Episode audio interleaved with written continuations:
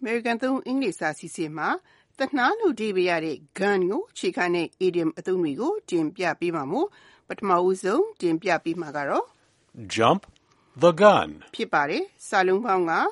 J-U-M-P jump ကခုန်ထွက်တာ T-H-E the G-U-N the gun ကတနတ်ဆိုတော့စကွက်ထုံရဲ့ဓာတ်ရိုက်ဒီပဲကတော့တနတ်ခုန်ထွက်တာပေါ့။ဒီအသုံးဆင်းသက်လာတာကတော့အကစားလောကကဖြစ်ပါတယ်။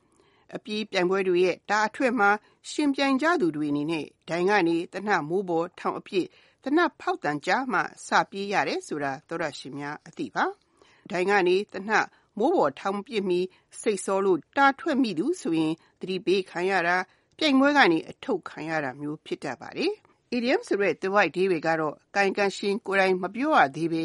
ဂျားကလူကကြိုဖောက်တယ်ချတဲ့သဘောမျိုးဖြစ်ပါတယ်။အရေးကြီးတဲ့သတင်းဖြစ်မယ်ဆိုရင် ပြောဖို့အချိန်မတန်သေးပဲကြိုပြောလိုက်ရင် အထူးသဖြင့် နိုင်ငံရေးစီးပွားရေးစသဖြင့်မှာကိုင်ကန်ရှင်ကို ထိခိုက်နိုင်တာမို့နှုတ်ဆောင်စည်းနိုင်ဖို့ကာယကံရှင်ကို လေးစားဖို့ကအရေးကြီးလာပါတယ်။ပြောသင့်မပြောသင့်ဆိုတာချင့်ချိန်ရမှာဖြစ်ပါတယ်။ဒီအသုံးဟာအပြောမှားတာမဟုတ်ပါဘူး။အချိန်မတန်သေးပဲကြိုလုံးမိတာတွေအချိန်မဆောင်ပဲကြိုလုံးမိလိုက်လို့ကတိကအောက်ဖြစ်ရတာမျိုးတွေကြုံရနိုင်ပါတယ်။ ဒီအသုံးနဲ့ပတ်သက်လို့ George ကိုပြတဲ့ဥမာကို လေ့လာကြည့်ကြရအောင်ပါ။ The minister jumped the gun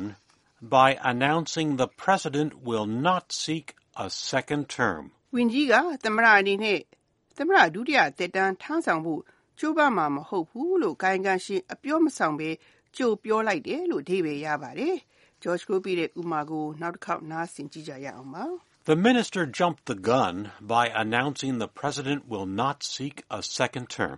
ခုဒုတိယတင်ပြပေးမယ့် idiom အသုံးကတော့ Smoking gun. ဖြစ်ပါတယ်။စာလုံးပေါင်းက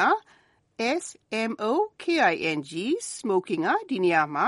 မိကိုလို့အဓိပ္ပာယ်ရတဲ့ smoke ကနေဆင်းသက်လာပြီးတနှားလို့အဓိပ္ပာယ်ရတဲ့ gun gun ဖြစ်တဲ့ noun noun ကိုအထူးပြုတဲ့ adjective နာမဝိသေသနဖြစ်ပါတယ်။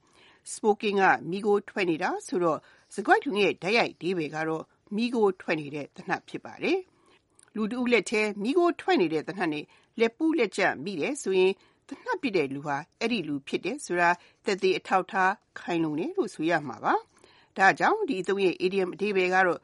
လူတဦးအပြစ်ရှိတယ်ဆိုတာကိုပြနိုင်တဲ့ခိုင်လုံတဲ့သက်သေအထောက်ထားကိုဆိုလိုတာဖြစ်ပါတယ်။ဒီအသုံးနဲ့ပတ်သက်လို့ George ကိုပြတဲ့ဥပမာကိုလေ့လာကြည့်ကြရအောင်ပါ။ The bank statements proved to be a smoking gun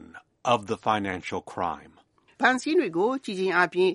ငွေရေးကြေးရေးမတမာမှုမှာအပြစ်ရှိတယ်ဆိုတာကိုသက်သေခိုင်လုံနေတာတွေ့ရတယ်လို့အဓိပ္ပာယ်ရပါတယ်။ George ကိုပြတဲ့ဥပမာကိုနောက်တစ်ခေါက်နားဆင်ကြည့်ကြရအောင်ပါ။ The bank statements proved to be a smoking gun of the financial crime. ခုနောက်ဆုံးတင်ပြပေးမယ့် idiom အသုံးကတော့ Stick to your guns. ဖြစ်ပါတယ်။ စာလုံးပေါင်းက stick stick to stick to ကကတ်တာကိုနဲ့မကွာထားတာ your ရောအသင်ရဲ့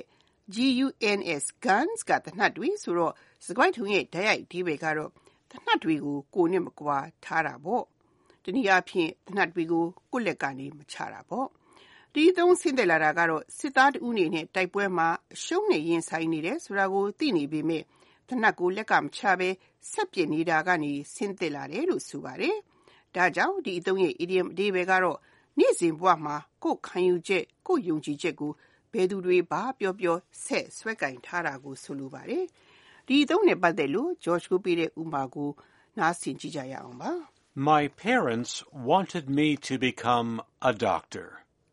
but I stuck to my guns and applied for engineering school.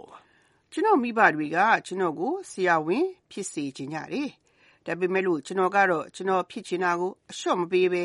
အင်ဂျင်နီယာကျောင်းတက်ဖို့ရှောက်လိုက်တယ်လို့အဓိပ္ပာယ်ရပါတယ်။ George ကိုပြတဲ့ဥပမာကိုနောက်တစ်ခေါက်နားဆင်ကြည့်ကြရအောင်ပါ။ My parents wanted me to become a doctor,